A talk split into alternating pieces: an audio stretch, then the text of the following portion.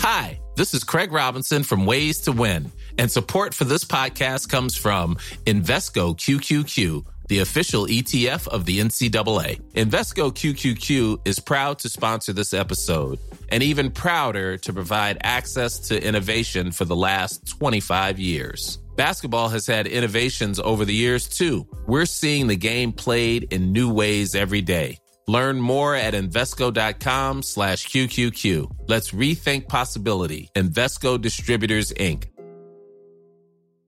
When you're ready to pop the question, the last thing you want to do is second guess the ring. At Bluenile.com, you can design a one of a kind ring with the ease and convenience of shopping online. Choose your diamond and setting. When you find the one, you'll get it delivered right to your door. Go to Bluenile.com and use promo code LISTEN to get $50 off your purchase of $500 or more. That's code LISTEN at Bluenile.com for $50 off your purchase. Bluenile.com code LISTEN.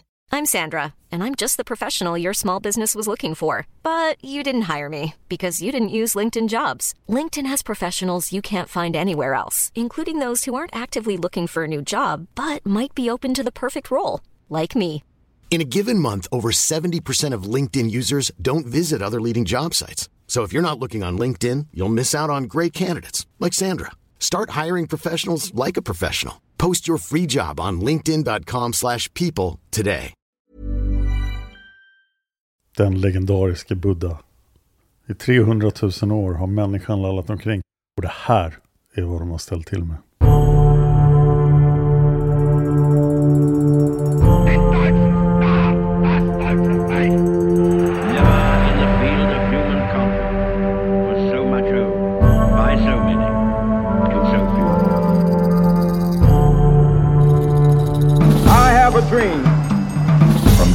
Texas, the flash, apparently official, President Kennedy died at 1 p.m. Central Standard Time. One small step for man, one giant leap for mankind. Statsminister Olof Palme är död. På eftermiddag, World Trade Center i New York brinner. Nu blir det historia med Dan Hörning och Cornelia Boberg. Och med det så fortsätter vi historien om Buddha, den uppvaknade Siddhartha Gautama. Och var är han uppvaknad ifrån? Uppvaknad från okunskapen och eh, dukkha heter det väl? Vad innebär okunskapen? Le- betyder det här att du och jag lever i okunskap? Ja men det gör vi för vi har ju inte insett de fyra ädla sanningarna och gjort allt det han gjorde. Men hur ska vi kunna förmedla kunskap till våra lyssnare om vi lever i okunskap? Du har ju upptäckt precis det Buddha hade behövt, en podd. Hade han haft en podd, då hade han kunnat sprida kunskapen mycket lättare. Nu var han ju tvungen att vandra runt i hela nordöstra Indien och prata med folk en och en. Han höll säkert föredrag också. Så han var mer av en livepoddare. Ja, han verkar vara det lite och det är vi också beredda att göra om ni gillar oss. Så kommer vi att livepodda, nu blir det historia, det kommer bli underbart. Men alla de här som lyssnade på Buddha, när han gick runt och vandrade och berättade om allt han visste nu, de blev sangha. Och sangha är ett sanskritord som väldigt, väldigt förenklat står för gemenskapen eller församlingen. Har väl lite mer religiös ton, men gemenskapen. Men det används ganska mycket som församling. Det används även av andra religioner och andra gemenskaper. Men det är ett sanskritord och betyder ungefär det. Eh, men buddister, jainer och sikher använder också det här begreppet sanga. Buddha var ju inte särskilt eh, dominant. Han ville inte styra och ställa folk, han ville fundera. Han ville meditera lite grann, vara lite asketisk, äta lite grann, gå den här medelvägen. Så att han lät sangan bestämma själva. Och den var på något sätt lite mer demokratisk än allting annat. Så det finns buddhister idag som hävdar att det här är den äldsta demokratiska institutioner i världen. Eftersom demokratin i Aten kommer 508 före vår tideräkning. Och det här är innan. Det är inte långt innan om Buddha var född 563. Och det här kanske är då, vi pratar 10-15 år innan Aten. Det finns buddhister som hävdar att det är den äldsta demokratiska institutionen. Alla medlemmar av Sangan gick runt och pratade med folk de också. Så det blev lite exponentiell tillväxt. Men under fyra månader varje år i nordöstra Indien så är det inte så kul att gå runt och prata med folk. För då är det regnperioden och då stannar de flesta asketer hemma. Eller var de nu var någonstans och led. För att det är svårt att resa under regnperioden. Och dessutom är det farligt. Och dessutom är det lätt hänt att man skadar djur och växter under regnperioden tydligen. Jag förstår inte riktigt hur, men det är en anledning till att de inte gjorde det. Så de här fyra månaderna varje år så brukade Sangan dra sig tillbaka till munkkloster i princip. Det är ju inte munkkloster i ett kristet sammanhang, men det är ställen där munkar hänger. Eh, och parker och givetvis i skogar där det finns träd. Och vi vet ju att buddhister gillar träd. Och vi pratar alltså massor och massor av år som Buddha gjorde det här. Och Sangan gjorde det här när Buddha fortfarande var i livet. Någonstans runt 40-45 år. Men vi hade ju en person som letade efter Buddha i slutet av förra avsnittet. Kommer du ihåg vem det är? Ja just det, hans svärmor. Ja, för han har ju sprungit ifrån sin familj i jakten på kunskap. Och tydligen ingenstans så i den här kunskapen han hittat så fanns det att han skulle ta hand om sin familj. Men de har ju förmodligen inte haft det så dåligt. De har väl hängt i palatset hos uh, Sudden. Ja, och nu har det väl gått ganska lång tid. Så nu klarar de sig bäst själva. Ja, han verkar ha varit ute och sprungit i 15-20 år nu i alla fall. Så förmodligen är hans söner nästan vuxna. Men nu dyker svärmor upp. Hon har sökt upp Buddha. Oh, and she's pissed. Eller är hon glad? Jag har ett namn på den här. Oj, vad heter hon? Mahaprayapati Gautami. Buddha tror ju förstås att hon är där för att skälla på honom. För att han har övergett hennes dotter. Men det är hon inte. Men varför skulle hon komma så sent då? Bra fråga. Kanske har tagit tid att hitta honom. Han är ju sprungit omkring i djungeln. Och... Men om det har gått så lång tid, hur vet hon hur han ser ut? Han märks ganska mycket. Så han var lätt att hitta. Men eh, hon är inte där för att skälla på honom för det. Hon är där för att skälla på honom för någonting annat. För hon berättar att hon och hennes kompisar har hört om alla klokskaper som Buddha har kommit med. Och de vill också bli buddhistiska munkar. Men det får de inte för att de är kvinnor. Och det är de upprörda över. Hon är upprörd över det. Men Buddha svarar sin svärmor att hon måste ha missuppfattat någonting. För att uppnå kunskapen har ingenting med kön att göra. Utan alla kan uppnå fullständig kunskap. Det är ingen skillnad vad gäller kön i den frågan. Och det här har jag i min andra historiepodd, Fan och History, kallat för en av de största feministiska gärningarna i antikhistorien. Och då säger svärmor att då borde hon kunna få bli munk och hennes kompisar. Och det får de. Och vi brukar översätta i västerlandet det här till nunnor då. Men det är kvinnliga buddhistiska munkar. Och man har ifrågasatt och senare varför hade inte Buddha kvinnliga munkar direkt? Och i vissa versioner tror inte Buddha på det här själv först, utan han är tvungen att bli övertygad om att kvinnor kan uppnå kunskapen. Men i slutändan tror man att det mesta var att det var så farligt att vandra omkring i vildmarken för en kvinna i Indien på 500-talet för vår tidräkning. Det är väl fortfarande farligt för en kvinna att vandra runt i Indien. Ja, det är väl farligt för kvinnor att vandra runt ensamma överallt tyvärr. Men här var det extra farligt. Och att det skulle ha hållit honom då borta från det. Det verkar som att munkar och nunnor fick umgås. Vid ett tillfälle besöker Buddha Bisimpatras hov och eh, pratar med honom. Birimsapra blir otroligt upplyst. Han förstår Buddhas lära mer än de flesta andra. Så han blir en högt rankad lärjunge till Buddha. Och den här Birimsapra är en väldigt speciell person för han är jätteviktig inom jainismen också. Som ju en annan filosofisk lära slash religion som kommer från den här tiden. Från samma område. Och samma människa figurerar i båda religionerna. Och det är till och med så i jainismen så är en era 24 jättesmarta människor föds. Och den första 24 människorna som var jättesmarta tog 20 miljoner år att födas. Men den första i den nya äran är Birim Sapra. Jag tror jag har muterat hans namn tre gånger nu. För vad han hette. Men ni, ni fattar vem jag menar. Vi har koll. Sen fick Buddha höra att det var problem hemma i Shakyaland, hemma hos Sudden. För det hade blivit krig med Kolia. För de bråkade om en flod som var gränsen mellan Shakya och Kolia. Och båda behövde vatten för att eh, de hade ju risfarmar. Och då behövde man jättemycket vatten som båda höll på att tömma den här floden. Och de såg ingen annan lösning än krig. Och när Buddha hörde det här så begav han sig dit. Och Buddha verkar ha en väldig förmåga att mäkla fred. Så om det är krig, Buddha dyker upp och säger en massa kloka saker, då är det inte många som vill slåss längre. Så han skapar fred mellan sitt gamla land som han kom ifrån och Kolia. Det är väldigt oklart om Sudden och Maja är vid livet, eller om hans fru och, och barn är vid livet överhuvudtaget. Men eh, Buddha är hemma en sväng och räddar dagen. Men huvudsakliga delen av sin tid är Buddha ute och reser och lär ut saker. Och då träffar han på en massa andra shramana-asketer och tänkare och pratar med dem och lär dem saker. Och även kritiserar det de gör och förklarar varför de har fel. Och i Samanapala Sutta handlar det just om att Buddha pratar med sex stycken andra sekter. Och lär sig saker av dem, men mest lär han, lär han ut saker till dem. Med tiden, när Buddha börjar bli gammal, får han väldigt ont i ryggen. Och när han börjar få ont i ryggen får han svårt att gå. Han får svårt att resa så mycket. Och då börjar viktiga lärjungar då göra hans jobb vad gäller att resa och lära ut saker. Men Buddha slutar aldrig lära ut saker. Han håller på att lära ut saker ända tills han blir 80 år och dör. Och det kommer vi snart fram till. Men innan han dör, medan han är gammal, så händer Devadattas förräderi. Och det här finns med väldigt tidigt i källor om Buddhas liv. För i alla källor har han ju blivit en uppvaknare. Och i den här historien då har han en kusin, oklart om det är på Maja eller Suddens sida, men antagligen på Suddens, Devadatta. Och Devadatta har blivit buddhist och hängt med här och lyssnat. Men en dag säger Devadatta att han är mycket yngre, han är mycket bättre, han kan leda det här.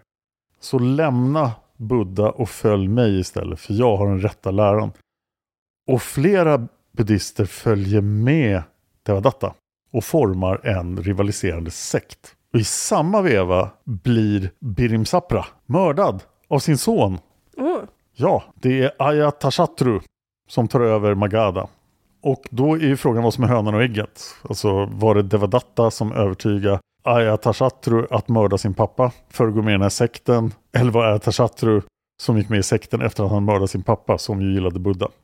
Men nu med den här kungen av Magadha som följeslagare så försöker Devadatta mörda Buddha.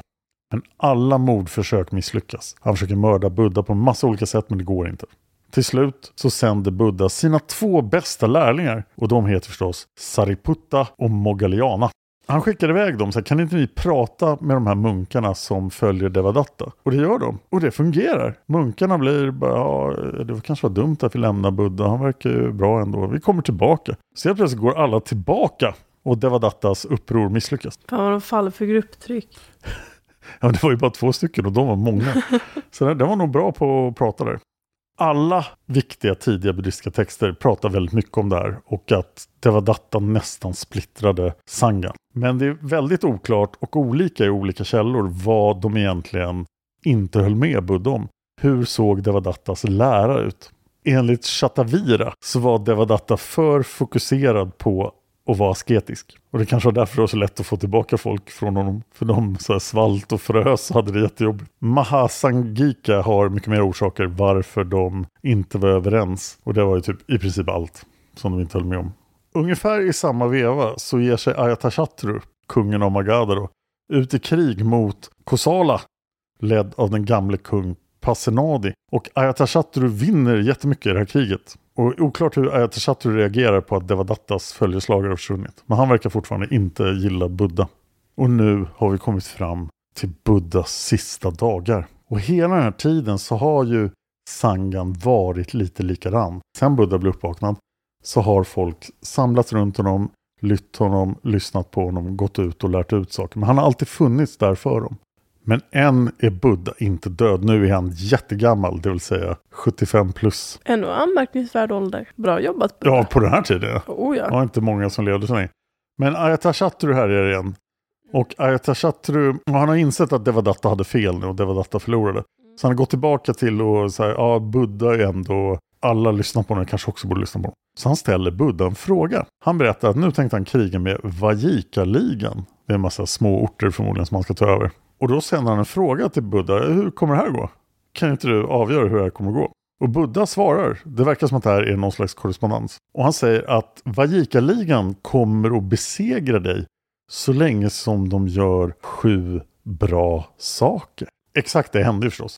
Vajika-ligan klarade sig i kriget för att de gjorde sju bra saker. Och då kommer Buddha på, borde inte Sangan också göra sju bra saker? Och sen lär han ut det här. Så det här är ju lite ny kunskap. Och det här kan ni ta med er i era, era liv. Ni kan alltid göra sju bra saker. Och det här är de sju bra sakerna. Buddha säger att Sangam kommer att må jättebra så länge som de håller regelbundna och frekventa möten. Ska vi ha det här som en så här checklista på vad vi gör? Ja, Så att varje, varje avsnitt vi har med oss och våra lyssnare är det ett möte. Så det kan vi checka. ja, det kan man göra. Jag håller inte alls med den här punkten. Jag tycker möten är jättejobbiga. Och när man, har, när man är på jobbet och alla vill ha möten med hela tiden. Det är inte produktivt överhuvudtaget. Men det är det Buddha sa. Men det beror ju på vad man gör på sina möten. Ja, och det kommer Buddha till i den andra bra saken. Möts i harmoni. Är vi i harmoni? Men vi är i harmoni, ingen är arg. Så det ska man göra. Och det låter ju också så här, okej, vi har en massa möten, men alla måste vara harmoniska hela tiden. Den tredje bra saken man ska göra är att inte ändra reglerna för träning. Alltså man har ett sätt som man utbildar folk på, då ska man hålla sig till det. Och det låter ju jättekorkat. Det låter otroligt ineffektivt. Ja, typ, för om man kommer på något bättre sätt att utbilda, då ska man ju Då ska man tydligen inte göra ska det. man testa, utvärdera det och sen använda det. Men vi fortsätter med de bra sakerna. Vi har nu regelbundna frekventa möten. De är i harmoni och vi ändrar aldrig reglerna för utbildning. Då måste vi också ära våra överordnade som kom för oss. Ja, så jag ska ära dig då. Ja, precis. Du ska ära mig. Bra sak nummer fem. Bli inte ett offer för dina världsliga begär. Det blir ännu knäppare. Det är därför jag fokuserar vid de här bra sakerna. För bra sak nummer sex är att kom ihåg dina ermitperioder i skogen. Och den sista bra saken är att du måste bevara din personliga mindfulness. Min stora fråga är hur lyckades Vajika-ligan vinna kriget när de använde de här sju bra sakerna? De hade sina frekventa möten, de möttes harmoni, de ändrade aldrig sin utbildning, de ärade alla som började före dem i armén, de gav inte efter sina lustar, det är i och för sig säkert bra i krig. Eh, de eh, gick iväg ut i skogen och satt och var eremiter mitt under kriget. Men de var väldigt mindfulla. Och det här hade Ayatollah ingen chans emot. Och precis efter att Buddha har infört de här reglerna så ändrar han reglerna för träning genom att lägga till flera saker till listan. Men det här är de sju första bra sakerna. Kommer du ihåg Buddhas bästa lärjungar? Sariputta och Moggaliana. Det här var de som räddade Varadattas uppror genom att gå iväg och prata med folk. Ja, just det. De ja. De eh, dog helt plötsligt. Varför då? Ja, de var gamla de också. Och de dog före Buddha. Och det väckte ju en del frågor. För att det var givet att en av dem skulle ta över efter Buddha. Men nu var båda döda. Nu börjar Sangan bli riktigt orolig för Buddha ser inte kry ut. Det var ju det här han skulle stoppa. Han skulle hindra folk från att dö och bli gamla. Men sen har han blivit uppvaknad så struntar han i det längre för det var inget viktigt. Men de tycker att det är viktigt. För de vill ju ha kvar sin Buddha. Och så är förstås frågan vem ska leda Sangan när han är borta? Han är ju hela upphovet till allting. Och då kunde han ju varit Alexander Store och sagt till dem den starkaste ska leda er. Men det gör han inte för han är Buddha. Utan han säger istället jag kan inte säga vem som ska leda er. Men då har vi då en annan bra lärjunge, inte lika bra som Sariputta och Moggoliana men ganska bra. Han heter Ananda och han ställer Buddha mot väggen, öga mot öga, ingen annan är där. Och så säger men vem ska leda er? Kom igen nu Buddha, nu får du berätta. Då levererar Buddha enligt Mahaparinibbana följande ganska långa svar. Citat. Ananda, varför förväntar sig munkarna det här av mig? Jag har lärt ut dharma. Jag har inte gjort någon skillnad mellan inre och yttre. Jag har inte någon lärares knytnäve och jag har inte hållit tillbaka några sanningar. Om det finns någon som tänker jag ska ta över Sangan eller Sangan är under mitt ledarskap. En sån person skulle behöva göra en massa arrangemang i Sangan. Men jag tänker inte i sådana termer. Varför skulle jag göra arrangemang för Sangan? Jag är gammal. Jag är uttjänt. Jag har nått slut av mitt liv. Jag kommer att fylla 80 snart. Precis som en gammal vagn fortfarande kan gå framåt om man håller ihop den med rep så kan min kropp fortfarande ta sig fram hjälpligt. Därför Ananda ska ni leva som öar i er själva. Ni ska vara er egen tillflykt och inte leta efter någon annan tillflykt. Med Darman som en ö och med Darman som er tillflykt. Och inte leta efter någon annan tillflykt. De munkarna som under min livstid eller senare lever på det sättet att de letar efter en ö och en tillflykt i sig själva. Och i Darman och ingen annanstans. De är verkligen mina munkar och de kommer att övervinna mörkret. Slutcitat.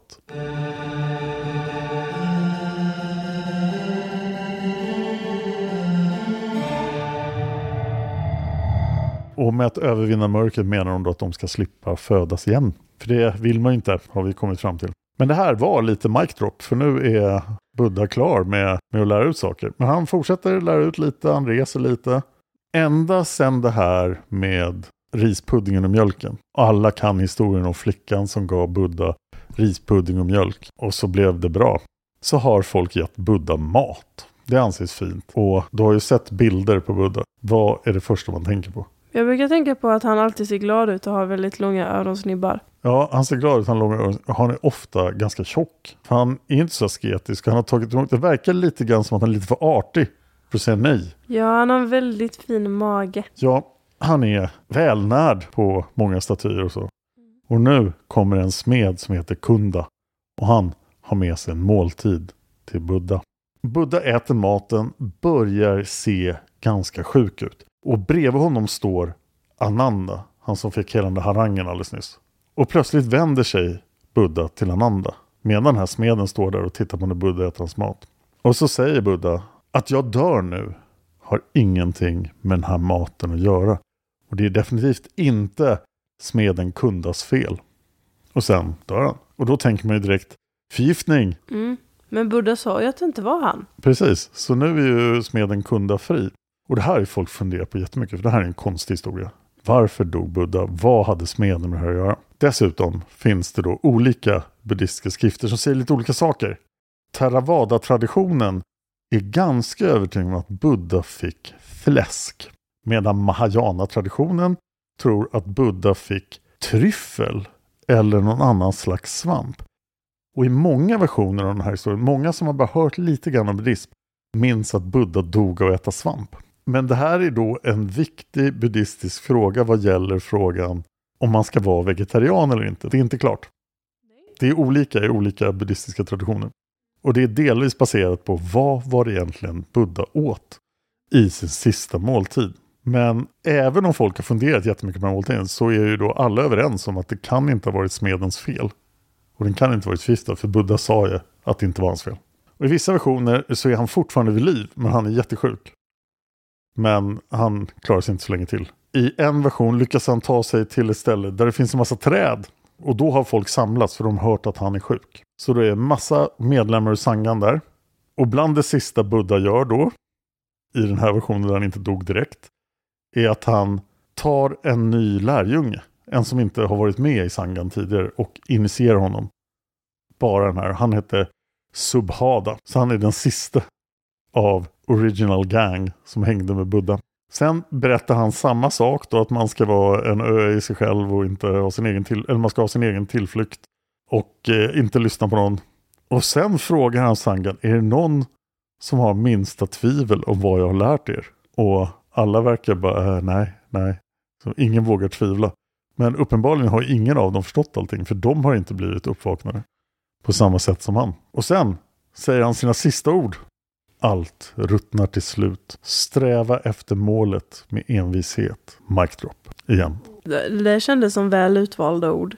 Ja, och Buddha faller inte till marken död, utan han sätter sig ner och mediterar sig in i döden. Och nu levlar han igen. Nu når han till slut Pari Nirvana. Den sista nirvanan. Slutet på återfödelsen och slutet på allt lidande. Eh, Mahaparinibbana som jag har refererat till tidigare beskriver då den här sista meditationen han gjorde. Där han då uppnådde alla fyra dhyanas, de här djupaste meditationerna. Han uppnådde också de fyra immateriella prestationerna och till slut den meditativa platsen känd som Niroda Samapatti innan han gick tillbaka till den fjärde dhyanan och där dog han. Sen var det någon slags 13 nivåer av meditation. Så nu sitter Buddha där och är död medan Sangan hänger runt honom. Och de bestämmer sig för att det bästa de kan göra då är att ära Buddhas kropp med blommor, musik och lukter. Jag hoppas att det innebär parfymer. Så att det är någon slags eh, lite kulturfestival där runt Buddha medan han sitter där död. Till slut har alla viktiga lärjungar varit där och eh, gett Buddha sin respekt. Och sen kan man ju tänka sig att han börjar lukta. Och sen tar de Buddha och kremerar honom. Och han blir alltså kremerad. Då finns det inte så mycket kvar. Men konstigt nog finns det jättemycket kvar av Buddha. Det finns massor av ben. Alla ben blir superviktiga reliker och sprids runt i Nordindiska kungariken. Speciellt då Magadha och Shakya. En tradition som är väldigt stor i Indien, speciellt under Ashokas tid, var att ta en relik, en bit av Buddha, och det fanns konstigt nog jättemånga bitar av Buddha, och placerade dem i ett monument eller i en gravhög. Och det här är en stupa. Stupa var ett begravningssätt men det blev en helig speciell stupa om det låg en bit av Buddha i den. När Ashoka dök upp och upptäckte det här, då grävde han upp massor av de här stuparna och tog delar av Buddha och gjorde mycket snyggare stupas i sitt rike. Det finns massor av övernaturliga historier om vad som hände med de här relikerna, vad som hände folk som använde dem, vad som hände folk som var i närheten. Men tillbaka till Sangan. Nu är Buddha kremerad, folk har snott hans ben. Vad ska Sangan göra när Buddha är borta? De ska ha regelbundna möten. Ja, och nu har de det första buddhistiska rådet. Som ska vara i harmoni. Och det är så mycket harmoni. De bestämmer sig för att äh, Buddha är alltid en bra kille. Så nu måste vi samla ihop och memorera vad han har lärt oss. För de har ju fortfarande inget skriftspråk, så de kan inte skriva ner vad Buddha har lärt dem. Utan de måste lära sig rabbla vad Buddha lärde dem. Man väljer trots allt en ordförande för att hålla ordning på mötet. Han är inte ledare för buddhisterna, men han är ordförande vid buddhistiska rådet. Och den första av dem blir Mahakassapa. Han var för övrigt en av de sista som kom och tittade på Buddhas kropp. Det här första buddhistiska rådet har tillskrivits massor av saker. Men de anses inte vara särskilt historiska. Och det var historien om Siddhartha Gautama i min tolkning. Men eftersom det är en legend så är den nästan lika bra som alla andra tolkningar.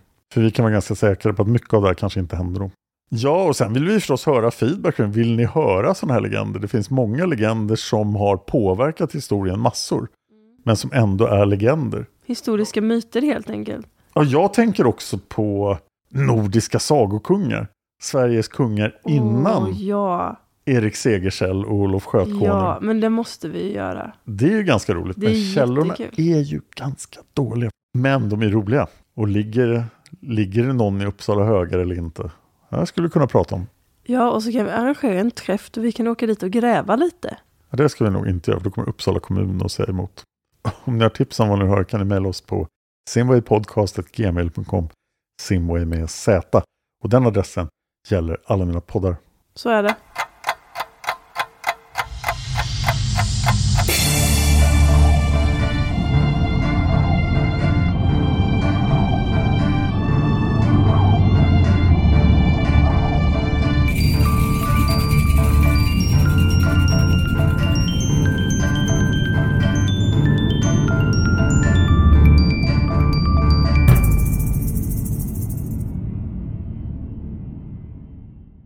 Och vi kommer så fort ni bjuder på öl.